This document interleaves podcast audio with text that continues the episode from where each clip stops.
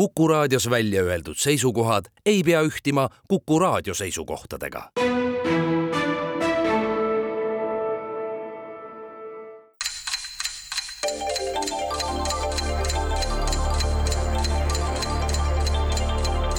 tarkade klubi targemaid küsijaid toetab lisateadmistega Postimehe raamatukirjastus. tere taas Kuku raadio Tarkade klubi tervitab häid kuulajaid jätkuva lõikuskuu viimasel laupäeval ja tänab hakatuseks head kolleegi Hannes Rummu möödunud neljal laupäeval läbi viidud vahvate saadete eest, mis rikastasid vaimu, teadmisi ja huumorimeelt. ehk kõike seda, mida kuulajatel ikka tarvis, püsimaks rõõmsana vast valminud karotiinirohkeid aedvilju nosides. oleme kalendaarselt ajas, mis võib, aga ei pruugi märgata murenoote murdunud päevavalguses ja panna õhkama kas või osaliselt palju kõneldud kliimapöörde järele selles võtmes, et kui saaks, pööraks nina veel suve poole tagasi aga mõtleks veel eesseisvatele kohustustele koolides, tööpostidel ja mujal, kus kalender seda nõuab vanarahva kalender muide annab teada, et üleeile kappasime mööda muistses agrikultuuris väga olulisest pärtlipäevast, mil muuhulgas tuli kapsaid keerata ja küllap asjatundlikult seda ka tehti. Tarkade klubi stuudiotes ei keerata mitte ainult kapsaid, vaid ka tarku päid ja suuri, ilusaid ja küsivaid silmi, kui kuuldele satuvad küsimused, mis need liigutused reflektoorselt esile kutsuvad. täna on hea meel silmapööritajatena Tartu stuudios tervitada tarka maletajat ja head tudengit Karmen Viikmaad. tere päevast! ja head kultuuriloojat, kultuuriloomet planeerivat ja organiseerivat erudiiti Andres Keili. tere, kena laupäeva! Tallinna stuudios on aga hea meel tervitada loojaid enamasti kõneldud ja kirjutatud sõnades ning mitte ainult. head Postimehe teadustoimetajat, tulevikku loovat materjaliteadlast Marek Strandbergi. tervist! ja minevikku taas loovat arheoloogi, ajaloolast, aga ennekõike siiski saatejuhti ja meelelahutajat Indrek Vaheoja. tervist! hea meel, et olete meiega. kümme küsimust on rivistunud täna teie ette järgmiste teemade alla.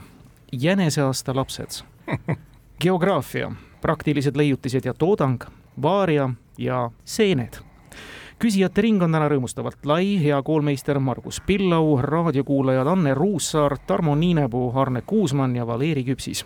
alustame ja anname kambiidi võimaluse Tartusse, Karmenile ja Andresele, palun.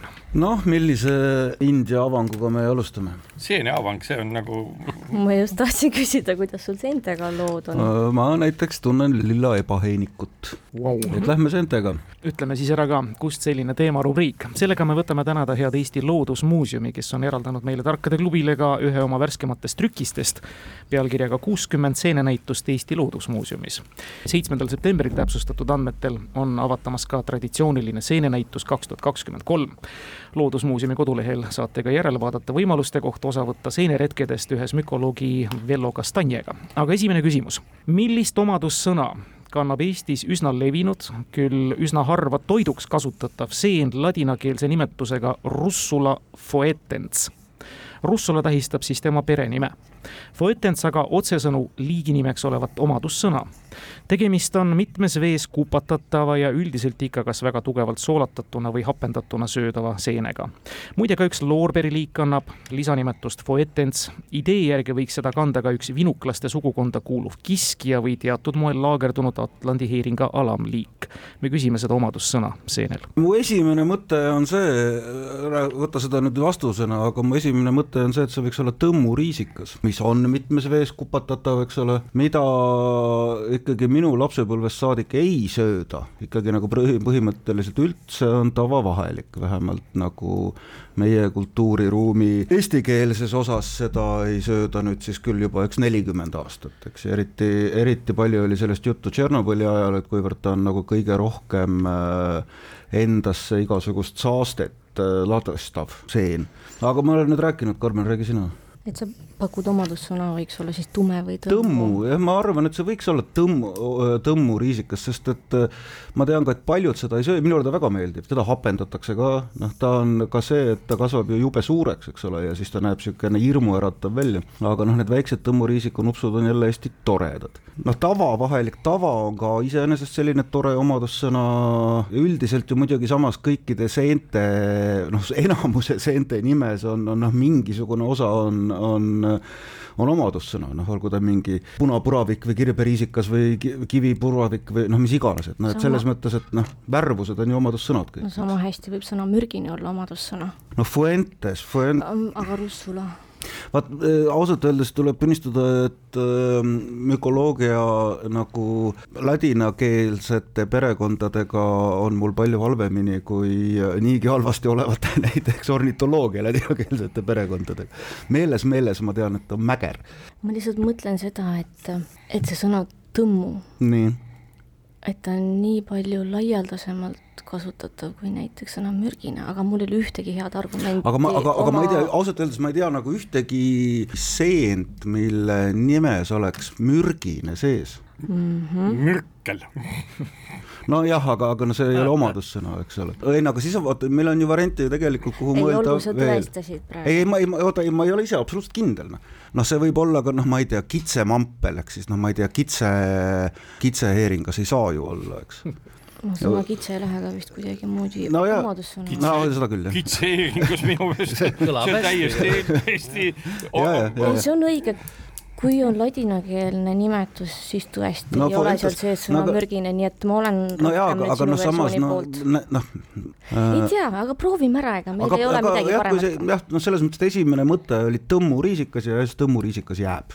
imetledes sinu suurepäraseid mükologilisi teadmisi on kahju lausa null kirjutada, ei ole tõmmu kahjuks omadussõna, mida otsime. jah, ega meil on ju siin olnud Eestis igasuguseid äh, mükolooge, kes teavad täpselt, millised seened ukse taha tuleb jätta, mustad kõik tuleb ukse taha jätta. Aga me võime nii palju siin juba tartlasi siis aidata, öelda, et russula, see on pilvik. et see on siis üks pilvikutest, eks ole. ja no ütleme, ega nagu noh, fermenteeritud kala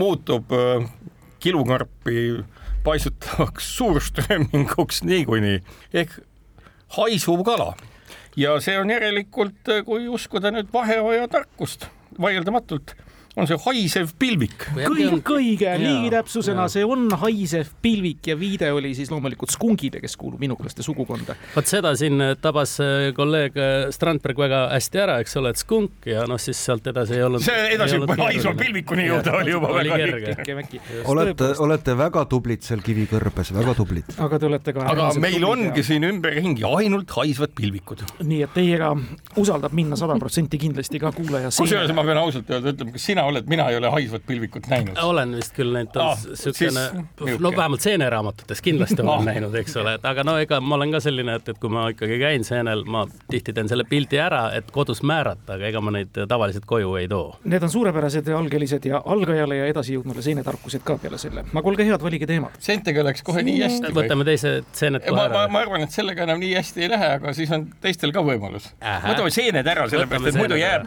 jääb seenetama ja siis on lõpuni ja käest see ei ole hea. seened ilma sajata, unustasin lisada.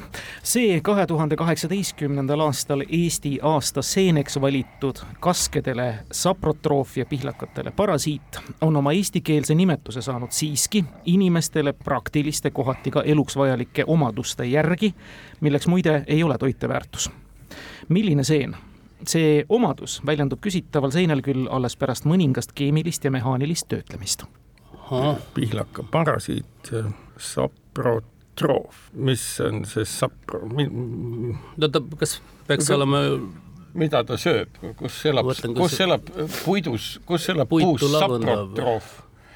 ta toitub puust, aga ta toitub, mis asi on sapro, kas ta kasvab puu säsis sees? ei, seda ma arvan, et mitte. No aga kus seen kasvab? noh, üks variant on, eks ole, metsas. no on nagu see on nagu ütleme isegi siin, kus me ei näe ühtegi puud sadade kilomeetrite raadiuses, isegi meie teame, et seeni võib olla metsas vahel. mm. -hmm. no ma mõtlen just seda, et, et kas see, see eelpool juba eelmise küsimuse ajal nimetatud must pässik. Jaa, seda ma just mõtlesin. kas tema, aga ta, ta ei ole, eks ju, otseselt ju kasel äh, parasiit. ei, kasel ta ei olegi, ta on saprotroof kasel ja, ja jah. pihlakal on ta parasiit.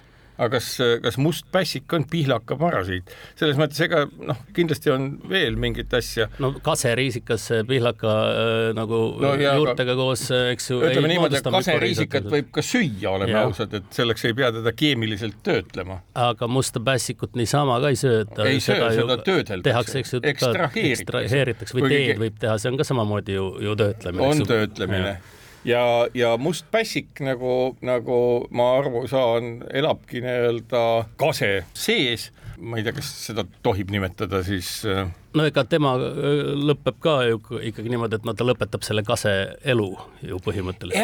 ta ei, Ei ei, pruugi lõpetada, sellepärast et ta elab ja, ja see noh, keha, mida me näeme, on selline, et äh, selle ta kutsub esile nii-öelda sellise muutuse, aga see ei ole selle seene viljakeha, mida süüakse, et see Ja, on ja. nagu selline pässik. ega me noh, ütleme mükoloogidena oleme me sama head kui Sibelius tundmatu sõdurina, ma kujutan ette. sina ilmselt targem, et Aga ega kuna sa pildistad stseeni ja võrdled neid. praegu ka ega midagi paremat aga kas võib olla, et näiteks äh, noh, ütleme ju kuna see musta pässiku buum, millega noh, millest on üsna raske aru saada, enam-vähem ju siin mingid aastad tagasi käivitus, et kas me võime oletada, et näiteks see või mis veel võib olla, kase, kasekäsn. kasekäsn ja, ja pihlaka surm. pihlaka surm, jah. must pässik tegelikult elab kase sees Mhm. ja välja tuleb känkerdis, mis ei ole seeneviljakeha. samas ju teised need igasugused äh, käsnad ja, ja pahad, Mhm. need on ikkagi viljakehad, seene enda viljakeha ju, ta näeb välja ikkagi mm. -hmm. kui viljakeha, must mm -hmm. pässik on lihtsalt nagu mingi vähkkasvaja või midagi niisugust, seal purk. mis siis välja paistab, eks ju mis. välja paistab. no kust mina tean? see on niisugune küsimus, et no kust me, vähemalt no ütleme niimoodi, et me oleme teinud kõva tööd ja ütleme niimoodi, et äh, nagu küsimuski oli, on ka vastus, mis Keilile ju peaks meeldima, et see seen elab kase sees, mis ei ole automaatselt ju äh, küsimuses kirjas, kuna ta võib elada ka seenena kase kõrval. ahah, ahah. aga meie ütleme, et ta elab kase sees, millest noh, null koma üks punkti võiks olla antud. Või natuke rohkem, noh kuna me ülejäänut ei tea, eks ole, ei oska isegi arvata, on ta must pässik või, või mingisugune pahk või tael või ma ei tea, kuidas neid kõiki nimetatakse. Mm. Mhm. no need pahad ja taelad on kõik täitsa pahad ja taelad on olemas, aga kuna ma ei tea nende teiste seente elu kohta suurt tuhkagi. Ja pässiku kohta ka ainult selle tõttu, et ma ühe seene asjatundjaga olen hiljaaegu vestelnud, siis äh, ülejäänud võib-olla ei ela kase sees, noh, selles nii-öelda puidu, no ühesõnaga. ja noh, nii-öelda mhm. selles nii-öelda kõige tuumsemas osas mm. -hmm. vaid elavad kuidagi seal peal ja kes elab peal, see võib-olla ei pruugi tekitada pihlakas nii suurt nagu häda, aga kes elab sees, saab aru, et aa, kask, me peame tekitama sinna niisuguse musta, musta murjami, mida on võimalik leotada ja inimesed saavad äkki mingit naudingut. ehk äh, ma ei tea, selle loogika järgi võiks öelda, et selleks aastaseeneks on must pässik ja rohkem ei oska midagi öelda. ja hoolimata püüdlustest särada vastuste vormistamisel, tervitame siinkohal ka Leho Tedersood, ei ole see õige vastus. seda me arvasime. aga ega paremat ei tea. aga palun, hea Andres, kallis me Karmen. olime kindlad, me et see on õige absoluutselt vastus. veendunud, et see on õige vastus. aga ütleme, et on õige vastus Ja paneme punkti meile. paneme punkti meile ja ongi nagu veenev oli ta igal juhul ju. Üldiselt ma arvan, et kui teil peaks olema Kuku raadios vaja sellist muinasjutu lugejat, ma ei tea, laupäeva õhtuteks, siis selle te olete nüüd leidnud, eks. ei, meil on ta olemas täiesti iga argipäevaselt teadussaates Kuku Õun. ah, seda küll jah, muidugi. okei okay., keemiline ja mehaaniline töötlemine on näiteks keetmine ja riivimine, eks ole, noh, lähme nüüd nagu sedapidi. või siis noh, ühesõnaga noh, termiline töötlemine on ju ka keem-, noh, aga oot-oot-oot, eluks vajalike, eestikeelse nime on saanud eluks vajalike omaduste järgi see tähendab seda, et langevad ära kõik kasepuravikud, pilvikud, noh, mis iganes, eks ole, et, et ta peab olema nagu mingisuguse hoopis teise nimega no see nimetus peab olema kuidagi seal sees. jah, see ei nimetus peab seal kuidagi, langeb ära, aga näiteks kitsemampel ei No- no. ole mingit sellist omadust, üks vahe ta oli Eesti aastaseen, aga ma absoluutselt ei mäleta, millal. Või siis on need, mida praetakse, need suured laiad. sirmikud sa mõtled või? ma vist ei mõtle sirmikuid. ei, sirmikud ei ole ka kasega kuidagi seotud ja, ja noh, mehaaniline töötlemine, eks ole, sirmikul ei ole mingit mehaanilist töötlemist, sa paned ta jahumunaga üle ja viskad pannile, eks. aga need trühvlilaadseid on meil midagi? ma ei tea, vist ei ole väga, vist ei ole, aga mida, aga ütle mulle, mida tähendab sapostroof üleüldse ja, ja kuidas sa, saprostroof, eks noh, näed, eks ole, seda, seda, seda rumalam ma olen, eks. vajalikud omadused, aga mitte toitainetega seonduvad. jah, et noh, et, et selles mõttes ta võib, noh, mingi, ma ei tea, ligniin, see on see, ei, ei, eks ei, ole ei, see on puidu koostisosa. ja. pakuseeni. ja kui sa pakud piisavalt palju seeni, siis me mõtleme välja mis võiks olla inimesele kasulik? noh, inimesel on kasulikke asju Sirmik. vähem kui ebakasulikke asju noh, sirmik, vihmavari sirm, eks sirmik on saanud selle järgi, et ta näeb välja nagu sirm, eks ole. nii no, eks..., inimesele vajalik. me ei pruugi seda ökosüsteemilist kasulikkust välja mõelda. ei, absoluutselt, ei absoluutselt mitte või kahjulikkust, noh, noh, ma tean, et kaske, kasemetsas kasvavad kasepuravikud, kaseriisikad, erinevat tüüpi pilvikud on kasemetsas minu loogika on see, et ta ei ole väga vähelevinud, see on, kuna need aastaseeneks ikkagi peab olema kuidagimoodi kas laialt levinud või kasutatav või kuidagimoodi tähelepanu saavutanud seen, ehk siis ta ei ole nii väga selline marginaalne ja kui sa pakud nüüd. aga, aga ma saan aru, et ta ei ole nagu põhimõtteliselt üldse nagu söögiseen, saan ma sellest jutust aru? ei pruugi olla ilmselt jah, söögiseen ja., aga teda saab kasutad, aga, aga oot-oot, aga kas äkki see on mingisugune seen, millega saab värvida?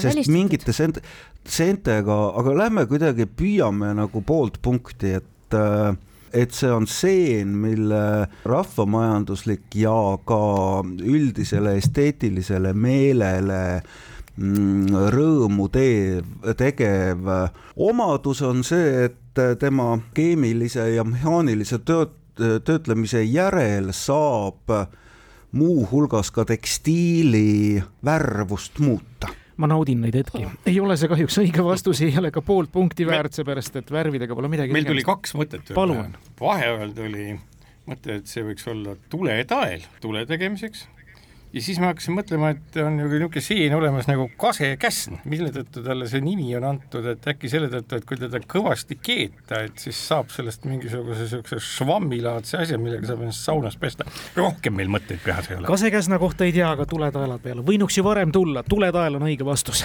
tõepoolest, tegemist on seenega, millega vanarahvas õppis tuld tegema. no tulekivist löödi säde, eks ju, ja siis taelas jäi seda hõõguma edasi. hõõguma ja oli siis korralik no, me just mõtlesime, et vaatame kontrollime, kuidas teine pool nagu seeni teab ja siis nüüd ütlesime õige väga vastuse. hästi teate tegelikult. jaa.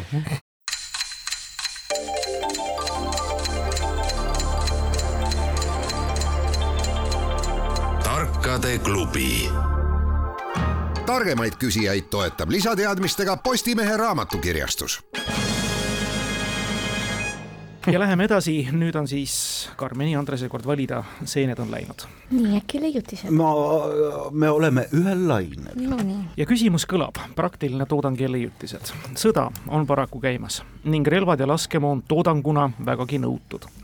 mis on vanim ettevõte maailmas, mis ajaloos relvatehasena alustas ja sellisena pikka aega tegutsenud aastast tuhat kuussada kaheksakümmend üheksa Euroopas tänapäeval suhteliselt mitmekesise toote assortimendiga, olemuselt konglomeraat, kuid relvade valmistamine tegevusena on nüüdseks juba teistele maha müüdud.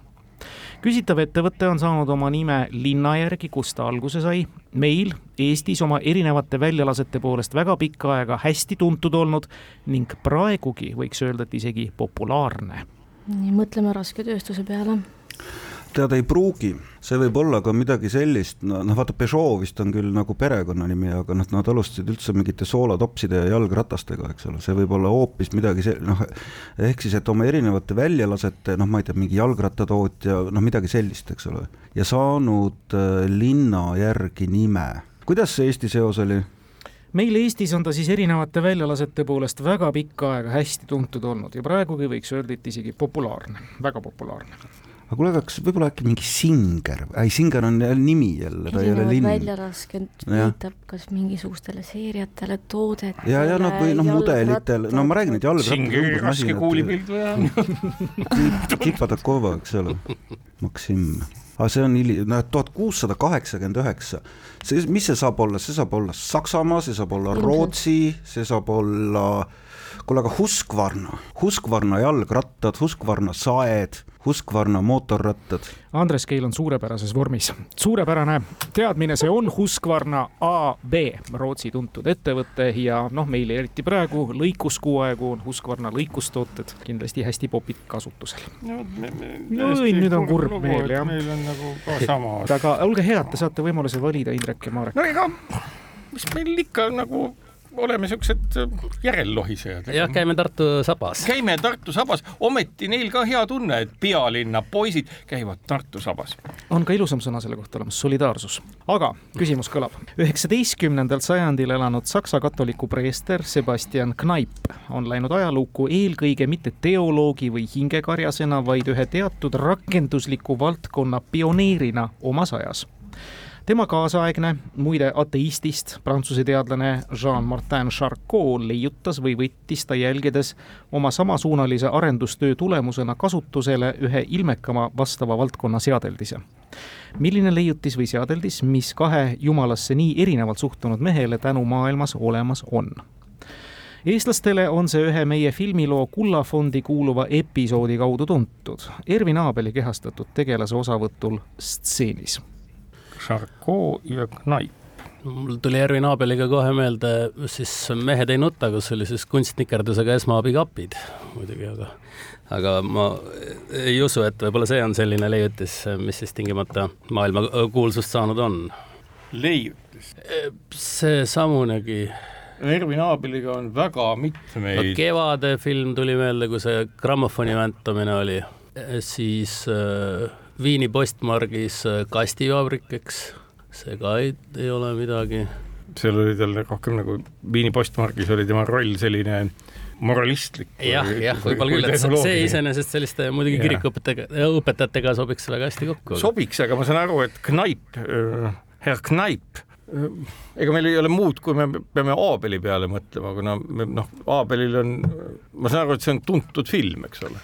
ja tuntud stseen Äh, noor pensionär tuleb veel meelde. noor pensionär, mis. Äh, seal ta oli baleriin. seal ta oli seal ta oli baleriin tõepoolest, pensioneerunud baleriin, aga see võib-olla need varvaskingad äkki? Varva, ei, need olid olemas. Äh, juba varem. Need, need olid olemas, selle varvaskingad mõtles välja see, mis ta nimi oli, kes naisi piinas sellisel moel. Betty Pa, ka prantslane muidugi mm, -hmm, mm -hmm. äkki on sugulane selle teisega. aga äkki on see mingi õmblusmasin, ei või olla või, sest ta oli ju rätsepmeister, eks ole ju, kevades ja, ja suves ja uh õmblusmasin võib see loomulikult olla, lihtsalt ma mõtlen seda, et ega õmblusmasinat sellisel kujul, nagu me näeme teda, eh, seostame, vot nüüd ongi, et ega me ju ei tea, kas see on siiamaani kasutuses. sellele puudub vastus, sellepärast et see mõnes kohas muidugi võib olla. see, see nii-öelda nõela, nõela otsas oleva silmaga õmblusmasin, mille all on selline konksuga ringi käiv rattake, see on Singeri patent üsna selgelt mm, -hmm. mida siis tootma hakati Ühendriikides, aga Knaip ja veel see perekonnanimi prantslasel oli. Nii, mis seal veel oli, lambiõli oli seal kevades mida ta valas, ei see oli suves, mida ta Tootsile valas, eks ole yeah.. filmirollid öelda, selle Abelil tuleb meelde. no vot, neid on nii palju, et sa võid ju öelda, et nagu ma ei oskagi öelda, et nagu kas nad hakkasid siis vaalarasvast tootma lambiõli või, kuigi seda vist tehti kõlab kahtlaselt. ei, ei kõla kahtlaselt, see oli põhimõtteliselt ju päris valgustusajastu, et noh, enamus maailma vaalu andis oma elu ju ainult selle tõttu, et Äh, saada õli, õli. Mm -hmm. aga mis sajandil see peale hakkas, seda mul on raske öelda, sellepärast üheksateistkümnendal sajandil kindlasti vaalapüük oli väga aktiivne, aga tõenäoliselt oli juba kaheksateistkümnendal sajandil ja ma arvan, et äh, see on olnud pikemat aega. nojah, nüüd on see Aabel, eks ole, nagu noh, muidu oleks ilma Aabelita võib-olla välja mõelnud, aga nüüd on see Aabel, eks ole, et mida, kes on öelnud nagu nii paljusid asju nii paljudes filmides suvitajad mm. -hmm. John lase vesi välja äkki, äkki pissuaari leiutajad? ei, mitte pissuaari leiutajad, ei, ei noh, seal on nagu pigem nagu siis ju järgneb see, et radiaatorist loll, et äkki on, äkki on tegemist äh, veeküttega radiaatoriga. see on hea pakkumine sellepärast, et ega, ega midagi muud mingi ei... mootori jahutamiseks siis, eks? ei, no, no ei, mitte isegi plaanis. mootorit polnud ollagi, aga lihtsalt, et kütta mm. -hmm. et, et ega ma noh, vanasti, et äkki, äkki... pakume radiaator on hea. jah, et nagu härrad Knaip ja Äh, mõtlesid sõltumatult välja näiteks äh, vesiradiaatori, millest John hiljem pidi vee välja laskma. süda tilgub praegu Pärnu aiamett, ma pean nulli kirjutama, see ei ole õige vastus aga anname võimaluse Karmen ja Andres. Karmen on siin usinalt, Karmen on siin usinalt kirjutanud, mul, mul nagu üks seos on, mis võiks nagu sellest ajast olla, aga mis sa sinna kirjutanud oled? mina olen usinalt kirjutanud kõikvõimalikke stseene, aga üks, mis mulle endale võib-olla kõige rohkem kangastub, on, on seesama tseen, kui, või selle veekahuriga või siis kui vett pritsitakse, ehk siis kas võib tegemist olla voolava vee suunamisega läbi vooliku ei no aga, ei aga üheksateistkümnes sajand, see on, minu mõte on see, et, et kas tuleb jaht või ei tule, et äkki on variant, on, on kaheraudne, kaheraudne jahipüss, mis iseenesest võiks nagu üheksateistkümnenda sajandi noh, kuskil keskpaigast ta võiks ju nagu pärit olla, eks aga mõtle preestri peale ka. et ja, ma arvan, et see on meie hämamiseks seal kogu see. ja ju patuseid maha kõmmata. jah, kogu see äh, ma ei pidanud seda silmas. okei okay,, et ateist ja preester äh, töötavad koos välja mingisuguse ei, eluvõtva, noh, ma ei tea mm. -mm. ma, ma arvan, et see on häma, aga, aga noh, okei okay,, mõtleme stseene veel, noh, kaheraudne, okei okay,, noh, see on, eks, noh, lennukit nad kahe peale ei leiutanud. jätke nüüd äh, seltsimees Emalendur ei saanud nende, tänu nendele ikkagi oma, oma tööväljale. mis see Abel meil veel on teinud, eks? poksinud poksikindad, poksikindad, aga ma ei usu, noh, selles mõttes, et äh, need nahkpaelad olid juba antiik äh, olümpial neil ümber käte äh, nagu mässitud, eks. kuigi noh, parema puudumisel on poksikindad on üks variant, on naljakas stseen, on tema nagu osavõtul seadeldis ah, see on seadeldis jah. rakenduslik. poksikines on väga rakenduslik seadeldis otse, otse rakendatakse ja rakendub. no Karmen, ütle nüüd midagi. mina ei tea, minu, minul seondub see kuidagimoodi kas veejahutusega või veesüsteemiga. nagu meilgi kloostri juures kuskil mingi seadeldissüsteem. ei, ei, ma arvan, et see on hilja selle jaoks, noh, et äh, noh, põhimõtteliselt Andres, Andres selle..., Andres, Andres. kaheraudne arvan mina, jaa. sa oled mänginud paljude naistega, tüdrukutega paaris. Ja... ja enamasti neile alla jäänud, ma ei lase sul seda viga Karmeniga enam korrata, Karmenil oli vastus kohe õige, see on jugadušš Knaip on Juba, tänapäevasele hüdroteraapiale aluse panija ja Charcot leiutaski siis vastava duši, tuntud temaatiline episood filmist Mehed ei nuta. üsna lähedane, kui radiaator ka rõhk on sees ja pritsib inimest nagu ütleme. ma praegu päästsin, Andres, sind jumala viha alla sattumast, nii et kaks-üks Tartu ees, Karmen, tubli. esimese asjana ütles Vaist õigust. meil on kuus küsimust. Lõpuni minna, Tartu napis eduseisus. Ja Andres, Karmen, te saate valida Vaar ja jäneseaasta lapsed või geograafia. äkki võtame jäneseaasta lapsed? No,, mida no, iganes see ei sisalda ja see sisaldab sõna otseses mõttes jäneseaasta lapsi. nimelt on jäneseaasta, mis idamaade kuukalendri järgi kahekümne teisel jaanuaril algas ja järgmise aasta üheksandal veebruaril annab jänes teatepulga üle draakonile. Jäneseaastaid kutsutakse ka kassiaastateks, nõnda on see eelkõige Vietnami kultuuris nõnda siis iga kaheteistkümne aasta järel korduv jänese ehk kassi aasta oli muuhulgas samuti alates kahekümne üheksandast jaanuarist tuhat üheksasada kaheksakümmend seitse veidi rohkem kui nädal pärast seda daatumit sündis Eestis kaks tüdrukut ühepäevase vahega, kuuendal ja seitsmendal veebruaril. mõlemal oli samal alal kuulsaks saada määratud ning mõlemad on Elvas üles kasvanud. kellest käib jutt? Vanem nendest on tänaseks lisaks ka riigiasjade juurde jõudnud. Äh, Luisa Rõivas võib üks olla, Elvast pärit, riigiasjade juurde jõudis, vanuse poolest võiks olla mm,? see kaheksakümmend seitse teeb praegu kolmkümmend kuus või? ei, mis asja, kolmkümmend, mis meil on, kaks tuhat kolm? kaks tuhat kakskümmend kolm või kaks tuhat kakskümmend kolm jah, see teeb siis äh, kolmkümmend kuus. kolmkümmend kuus oli õige. kolmkümmend kuus jah. tõesti. Luisa Rõivas võib olla kolmkümmend kuus, aga samal alal kuulsaks saanud või? ei, ta ei, samal alal mm. -hmm. aga siis on laulja meil järelikult, teine tüdruk ka aa äh,, kas Kerli Kõiv? no täisvastus tuli ära, see tõepoolest on Luisa Rõivas ja noorem nendest siis Kerli Kõiv. Elva tüdrukud mõlemad ja sellest oli omal ajal juttu, sest suhteliselt samal ajal nad ka nii-öelda orbiiti tõusid. jäneseaasta lapsed on selged ja vaatame, kas ka Tallinnal, kui nad selle teema me, me siin vaheajal olid kohe teadis kohe. no ega Elvast on äh, siuksed äh, jah, ega sealt väga palju väga tuntud inimesi pärit ei ole, eks ole, nii et no aga äkki kolmas inimene, küsitakse ka kolmanda no,. Heidi Purga on koos. Heidi Purga on ka äkki Nelvast, tuleb küsimus Heidi Purga kohta või? no kas käi- äkki murrame selle rütmi ära, muidu me loksume muidu siin loksume Tartu aeg. võtame Vaaria, Vaaria, täpselt Vaaria, Vaaria läheb, aitab, aitab sellest lömitamisest. Tartu ees lömitamisest. raadiokuulaja Tarmo Niinepuu küsib, nii et peate jätkuvalt Tartut koogutama. mis on viiesaja eurose rahatähe hüüdnimi?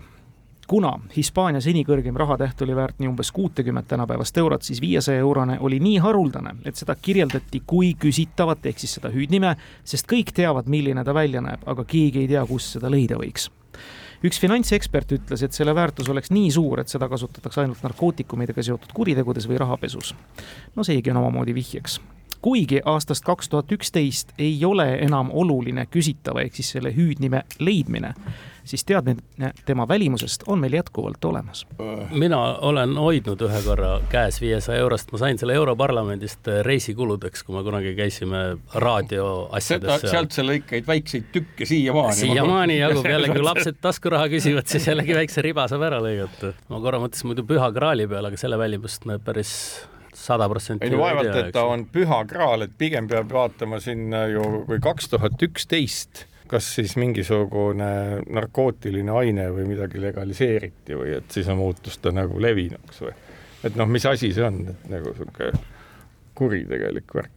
mm,. Hispaanias, Portugalis on äh, kü- küll äh, nagu dekriminaliseeritud rohkem kui Hispaanias, ütleme, kui me räägime siin mingitest äh, see oli Hispaania. see oli Hispaania jah. ja no Hispaania toodi näiteks lihtsalt. aga mi- mis seal Portugalis siis nüüd nagu võib endale sisse tõmmata ja süstida ja imeda ja nuusutada no ja ütleme niimoodi, et nagu ütlevad lõunaeestlased Tartus sky is the limit, eks ju, et, et ega ma ei usu, et see on, et see on mingi narkootikum või mis ta muud noh, saab? kanep, kokaiin, nii haruldane Mm.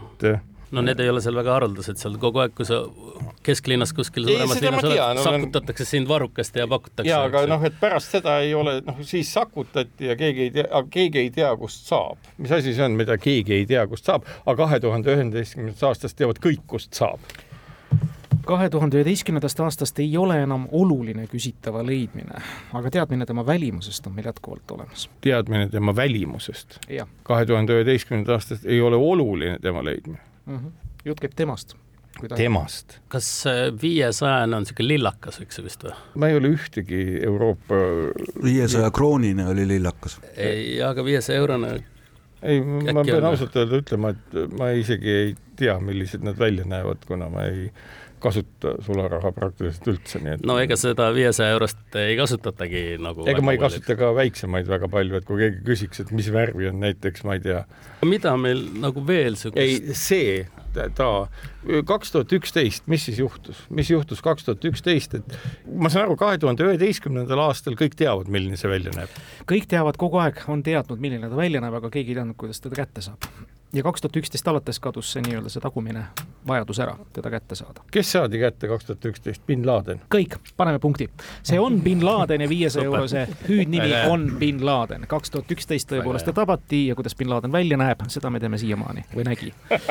kaks Tallinn, Tartu rütm on murtud, Rütm on on murtud. see Ja- vähemalt tehtud.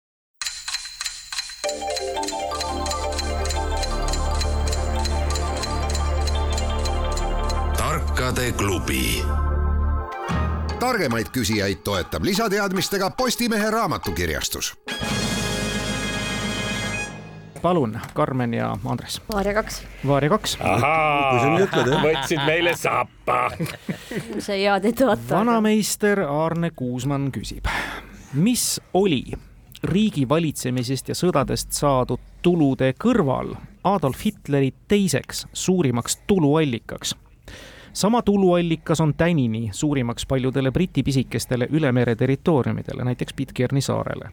küsitav, kui tuluallikas on jõudnud ka Eesti filmiklassikasse aastal tuhat üheksasada kuuskümmend seitse. ahah, Adolf Hitleri tuluallikas peale valitsemise ja sõdade. riigi valits-, valitsemise ja sõdade. kuuskümmend seitse, see võis olla keskpäevane praam näiteks, võis olla kuuskümmend seitse või? ei usu. pisikestele Briti üle mere mm -hmm. vot see ajab mind kõige rohkem segadusse. ja, muidu ma oleksin ja on jõudnud Eesti filmiklassikasse tuluallikas, Jeesus. vana hea krüptika on mängus tagasi, jah ma saan aru, jah. no mis esimene sinu esimene mõte läks kohe kunstivaldkonda, rahvuskunst ja, ja see, mida nad kõike kokku ju haarasid, aga see Briti ülemere, need väiksed saared üldse ei lähe sinna loogikasse. meil on mingi film on, ai, see on hilisem film ikkagi, mis on ka kunstiteosega seotud, ei võta maha, räägi ise. ei no mis ma räägin, noh, ma võin rääkida mida iganes, eks.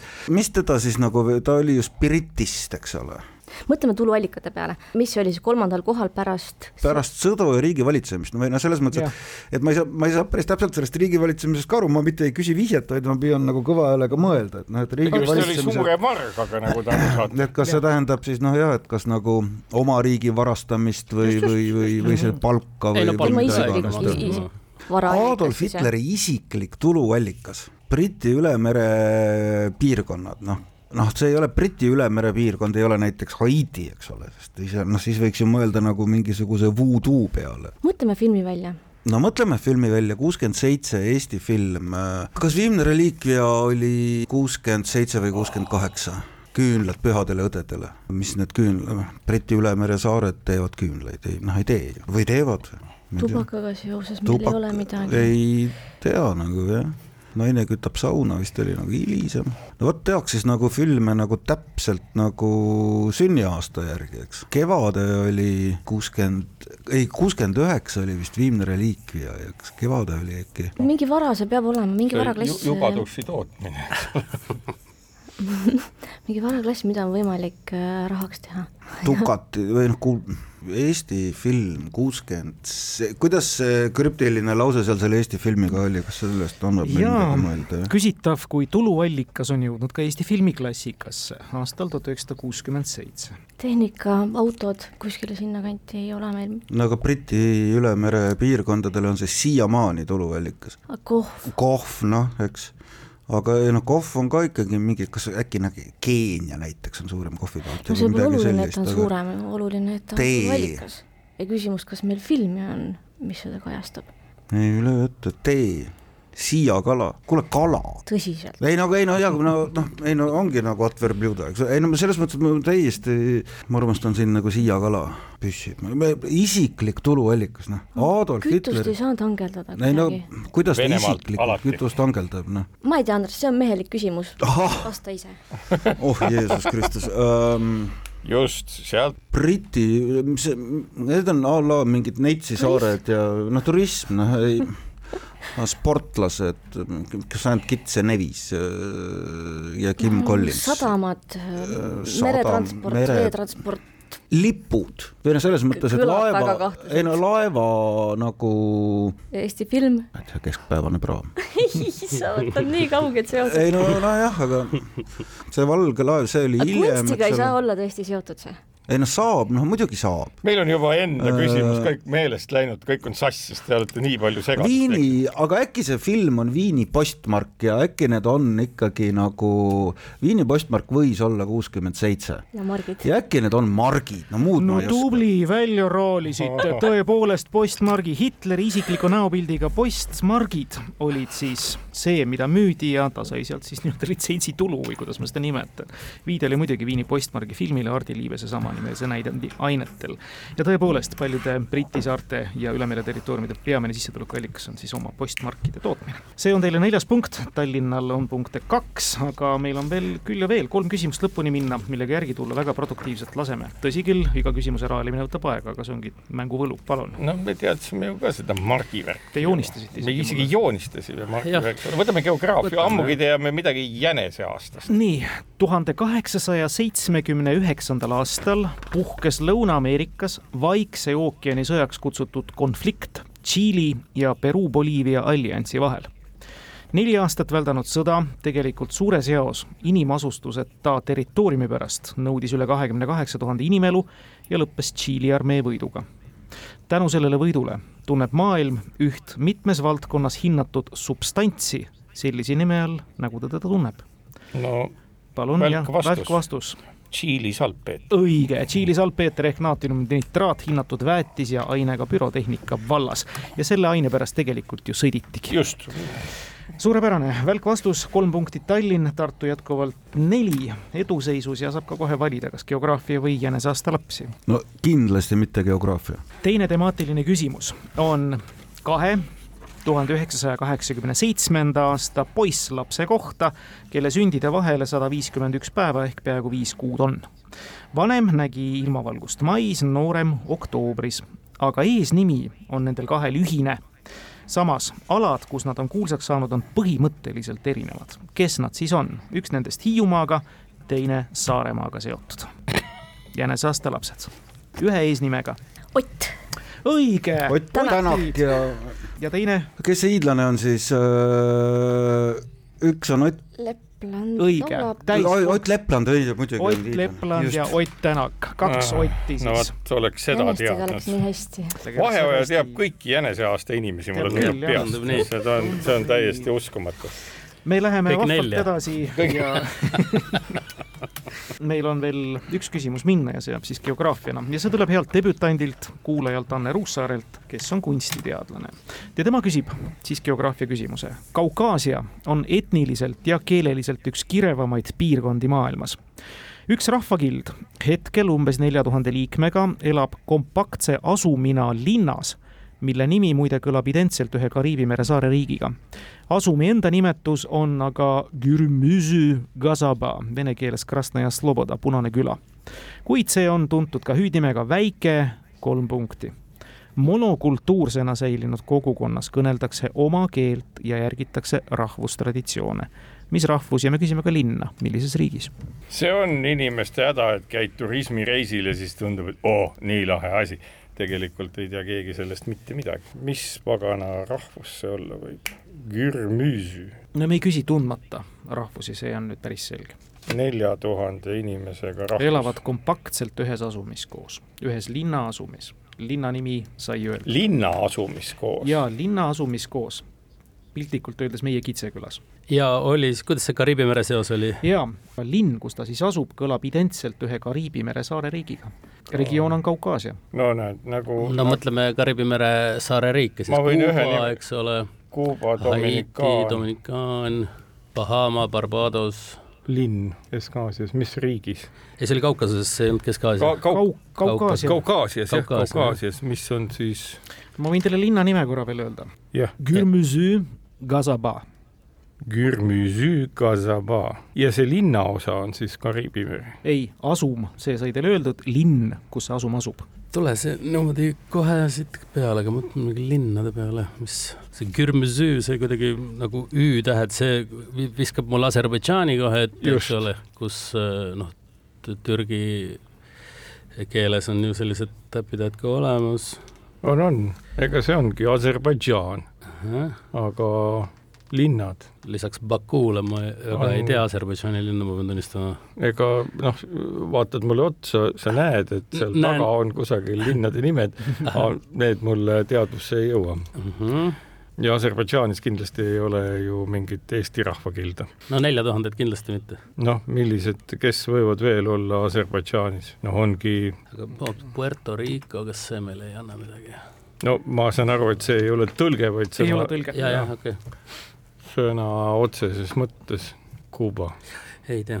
siit kõlas pool punkti tegelikult ära. väike. Aserbaidžaan ja Kuuba on õiged vastused. kas ütlete rahvusega otsa? Aserbaidžaan ja Kuuba on õiged vastused.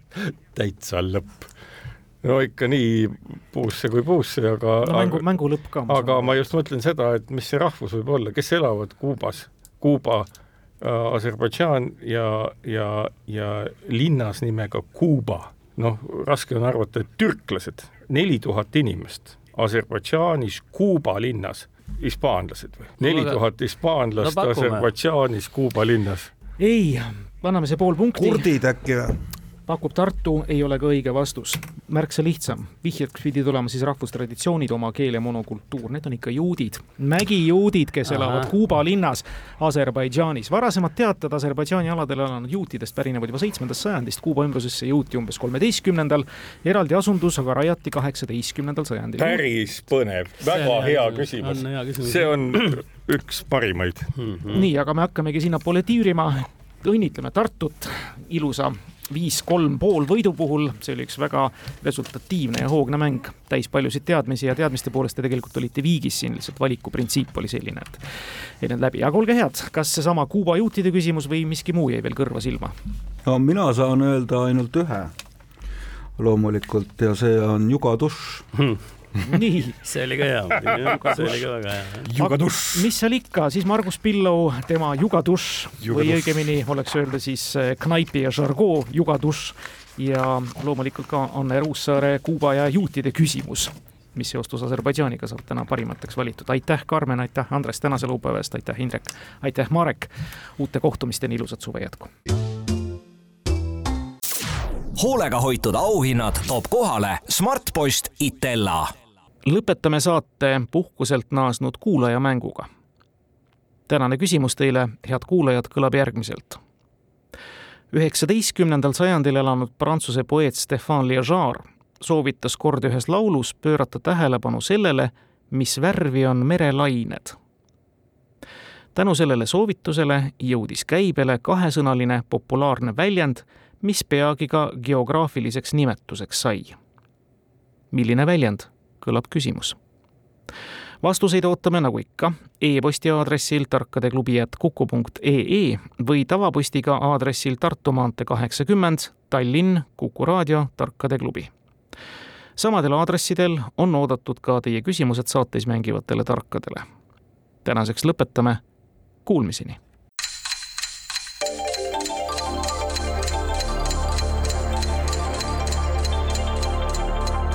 Tarkade klubi. targemaid küsijaid toetab lisateadmistega Postimehe raamatukirjastus